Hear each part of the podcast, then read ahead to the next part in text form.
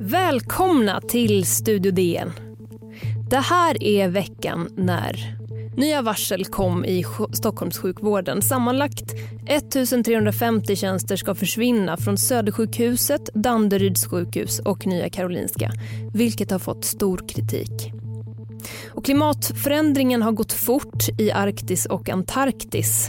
Det gäller också permafrosten och Amazonas regnskog. Och nu så varnar en grupp forskare för en utveckling som inte går att vända. Och samtidigt så har debattvågorna gått höga kring Black Friday. Vem ska ta ansvar och vem ska skambeläggas för vår överkonsumtion? Minst 30 personer dog i de kraftiga jordskalven i Albanien Dödstalet kan stiga och den albanska regeringen har utlyst landssorg. Augustpriset i skönlitteratur gick till författaren Marit Kapla och hennes bok Osebol. Och eh, den handlar om eh, invånare i den lilla värmländska orten med samma namn som författaren har gjort intervjuer med. Det här har också varit en tuff vecka för politiker som anklagas för att inte kunna hålla händerna i styr. Sverigedemokraten Peter Lundgren har blivit åtalad för sexuellt ofredande och centerpartisten och exministern Eskil Erlandsson har i domstol försvarat sig och sina vandrande vikingafingrar mot anklagelser i samma brottskategori. Och så det som vi ska prata om i dagens Studio DN. Iraks försvarsminister har visat sig också vara svensk medborgare. DNs faktaredaktör Hugo Ewald kommer till studion för att berätta vem Najah Ashamari är och vad han misstänks för. Den nya EU-kommissionen har valts in av EU-parlamentet och vi ska prata med EU-korrespondenten Pia Gripenberg om kommissionens ordförande Ursula von der Leyen som nu blir en av EUs mäktigaste personer. Och så Zlatan Ibrahimovic som nu har köpt en del av Hammarby fotboll. Och det här har fått Malmö att rasa och fråga sig var fotbollslegendens lojalitet egentligen ligger. Och jag som finns med er heter Amanda Lindholm.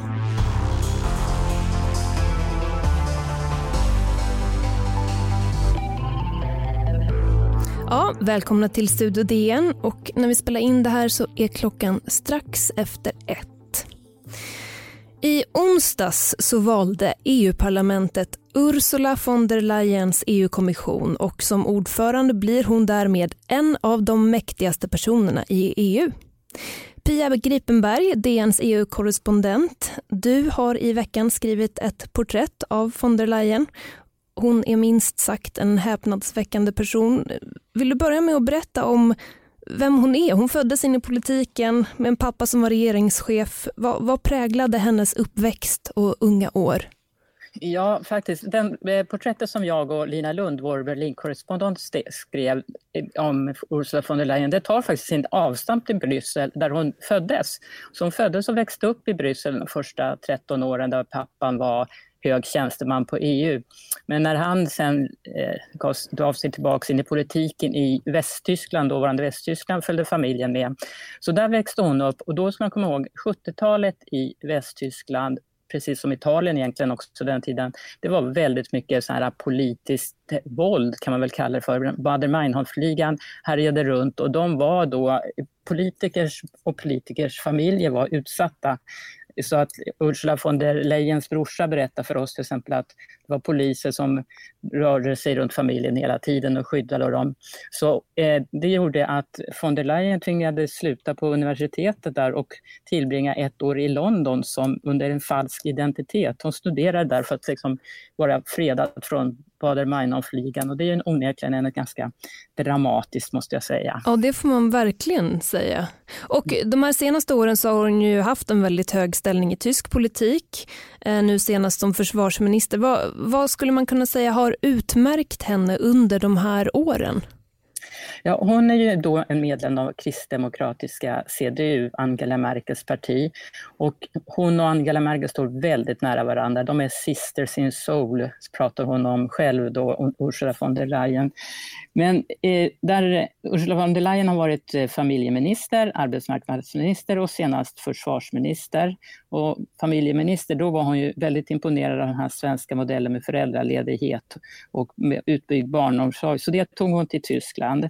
Sen har hon avslutat som försvarsminister. Då har det inte varit lika muntert. Hon har varit ett antal stora skandaler där med, hög, med liksom material, försvarsmaterial som inte fungerar som det ska. Det kostar alldeles för mycket. Det har tagits in konsulter och det har varit oegentligheter. Så där var hon, hon var ganska illa ute faktiskt. Oppositionen krävde hennes avgång då när det här jobbet i Bryssel dök upp plötsligt. Okej, som av en händelse. Som av en händelse. Mm. Och om vi ska gå tillbaks lite till the basics med det här nya jobbet som hon har. vad, vad gör egentligen EU-kommissionens ordförande? Alltså, EU-kommissionen, det är något av EUs regering och det ska vara liksom en medlem från varje medlemsstat. Så det är, nu är det problem med britterna som ska lämna, så det är 27 stycken medlemmar nu i EU-kommissionen. Och eh, de, de förbereder och lägger fram lagförslag helt enkelt som sen går vidare i EU-maskineriet. Så de är på det sättet hjärtat, eller hjärnan på något, som tar fram lagförslagen. Och det är då Ursula von der Leyen som eh, ska hålla ordning på den gruppen? Ja, det är det. Så det är hennes prioriteringar som eh, gäller. Jag förstår. Eh, vi ska lyssna på ett litet eh, klipp här från eh, Europaparlamentet på von der Leyen. If there's one area the world needs our leadership, it is on protecting our climate. This is an, an existential issue for Europe and for the world. Mm. Det här var då som sagt ett klipp från EU-parlamentet eh, från i juli tror jag när hon blev vald till ordförande. Och vad säger du Pia Gripenberg, säger det här någonting om vad Ursula von der Leyen vill åstadkomma på den här posten? Ja, hon, vill, hon har sagt eh, att, eh, att bekämpa klimatförändringar, så att säga, den är, ligger högst på hennes agenda. Och hon upprepade det igen i onsdags när hon hade både på presskonferens och ett tal i parlamentet. Så att, och hon kommer att åka till Madridmötet, alltså det här klimattoppmötet, kommer hon åka redan eh, på måndag och kolla ett kort anförande också. Så det, och där, det blir ju en tuff utmaning för henne, för det är ju många länder vill ju gå starkt framåt i, i klimatfrågan och Europaparlamentet vill ha skärpta miljömål och så vidare. Men det finns ju andra medlemsstater som inte är lika pigga på att ta ett slags krafttag för att, att eh, stoppa klimatförändringen. Mm. Vad mer kommer hon vilja hitta på? Ja, precis. Hon har, eh, ja, dels behöver ju EU behöver ju ha en ny asyl och migrationspolitik, för den gamla havererade ju då för några år sedan när det var ett stort inflöde av, av flyktingar. Och, och, det har ju då svenska kommissionären Ylva Johansson fått ansvarsfullt jobb, jobb att försöka fixa. Men det ligger också i korten att de, de räknar med att redan kanske om, inom ett halvår ha ett nytt förslag så att så här ska EUs asyl och migrationspolitik se ut. Så det blir ett annat stort område för henne. Sen mm. pratar hon mycket om jämställdhet och hon, hon, pratar om att Europa måste ta mer plats i världen. Hela världsordningen har ju ändrats ganska snabbt på några år så att det blir, eh, hon, har, hon har mycket att göra. Ja, många stora frågor för Ursula von der Leyen. Tack så jättemycket Pia Gripenberg, DNs EU-korrespondent. Tack, tack.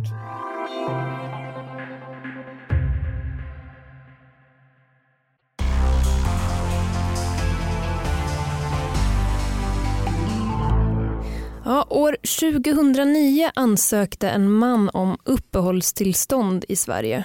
Och år 2015 blev han svensk medborgare. Idag är han Iraks försvarsminister. Samtidigt misstänks han för en rad brott, bland annat brott mot mänskligheten. Med mig här i studion är DNs faktaredaktör Hugo Evald och eh, du ska berätta vad vi vet och inte vet om den här historien. Ja, mycket i den här historien är fortfarande lite av ett mysterium och mycket information vet vi ännu inte. Men det man kan säga är att han är en man som kom till Sverige 2009 och ansökte om uppehållstillstånd. Jag ska bara säga att mannen vi pratar om är ju då Najah Ashamari. Just det, precis. Eh, han kom alltså till Sverige 2009 och blev sen svensk medborgare då 2015.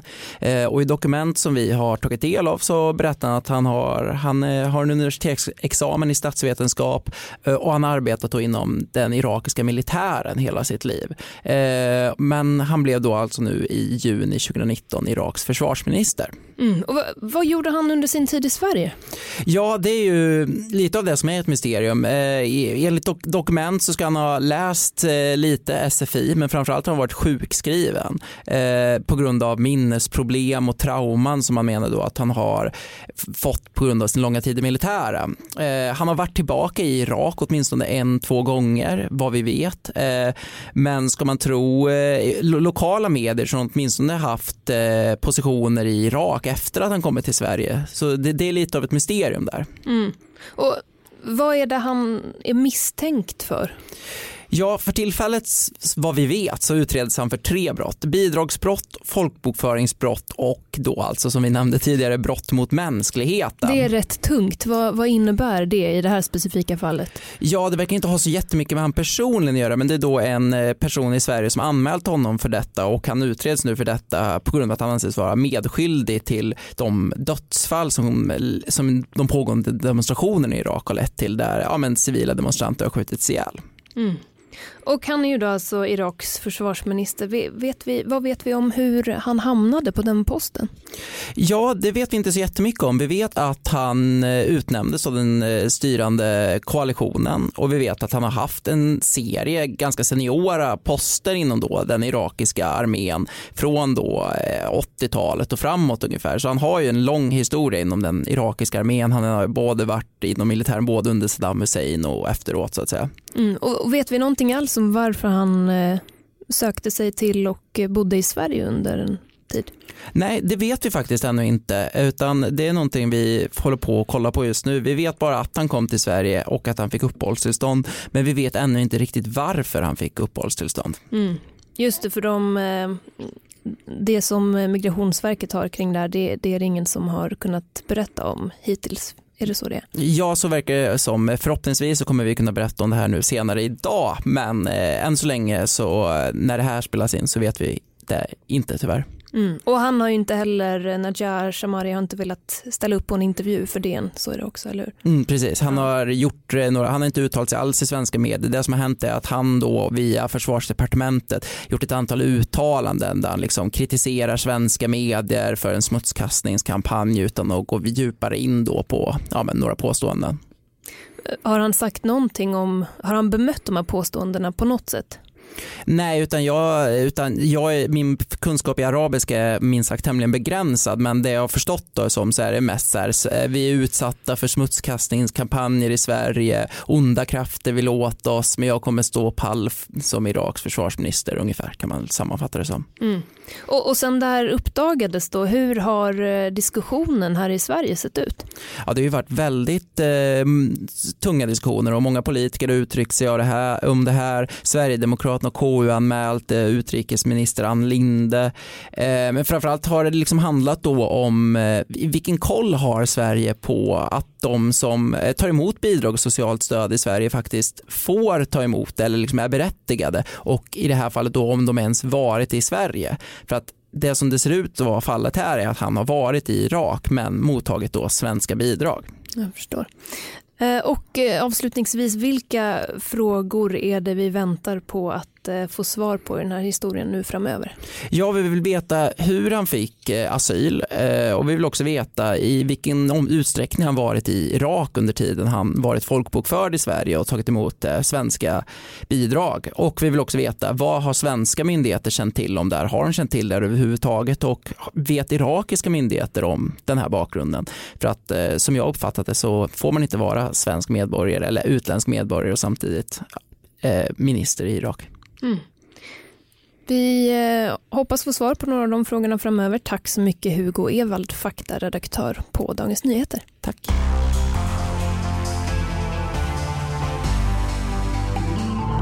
Fotbollslegenden Zlatan Ibrahimovic meddelade i veckan att han ska köpa en del av Hammarby fotboll. Det här har väckt en stor debatt bland människor som anser att Zlatan svikit Malmö, staden han vuxit upp i och blivit förknippad med. Malena Johansson, sportreporter på DN. Hej. Hej. Ja, va, varför vill Zlatan köpa Hammarby fotboll? Ja, det vi har att gå på är vad Zlatan själv har sagt och i en intervju som han har gett om det här i, i Aftonbladet. Och han är ju på väg att, eh, han är 38 år och kommer snart, vi vet inte riktigt när, men han kommer att avsluta sin karriär och han vill ju engagera sig i fotbollen på något annat sätt helt enkelt efter karriären och han har ett boende i Stockholm eh, och eh, vill göra Hammarby till Skandinaviens största klubb säger han och hjälpa till på det sättet som han som han kan. Sen mm. så vet vi inte så mycket konkret om exakt vad han kommer att göra i, i Hammarby. Eller varför just Hammarby?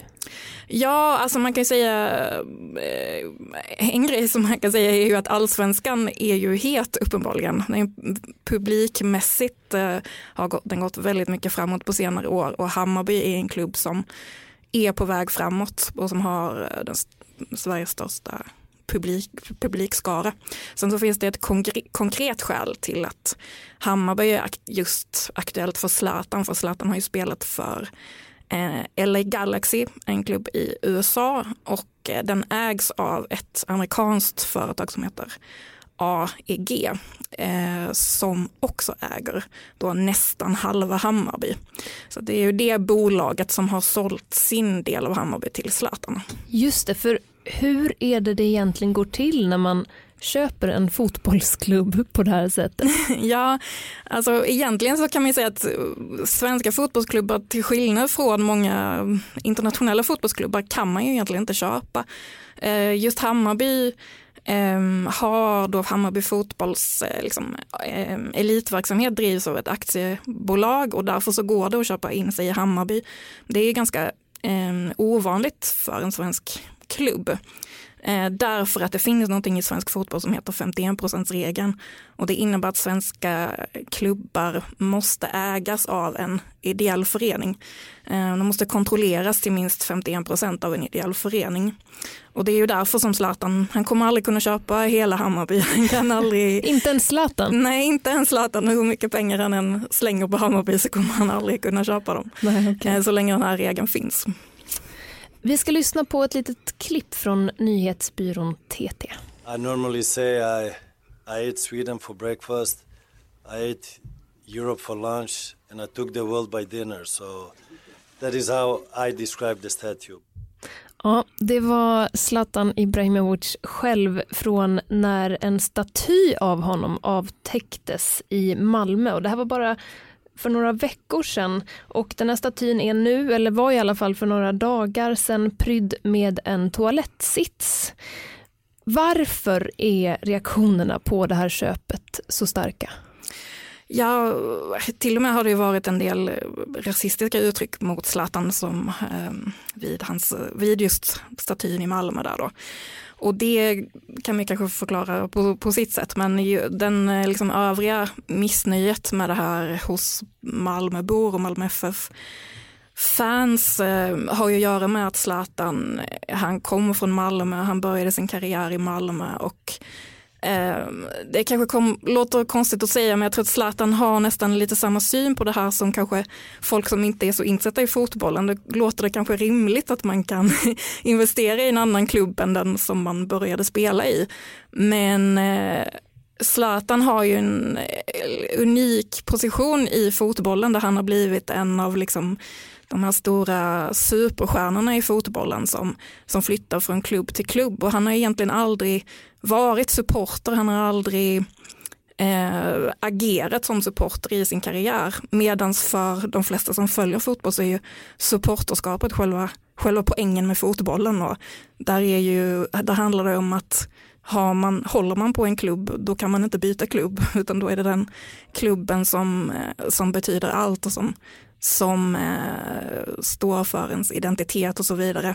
Och eh, just Malmö FF betyder så mycket för staden Malmö också. Det är svårt att, svårt att skilja på MFF och, och Malmö. Mm. Så om du fick gissa, vad är det de här eh, Malmö-supportrarna skulle vilja att Zlatan hade gjort istället?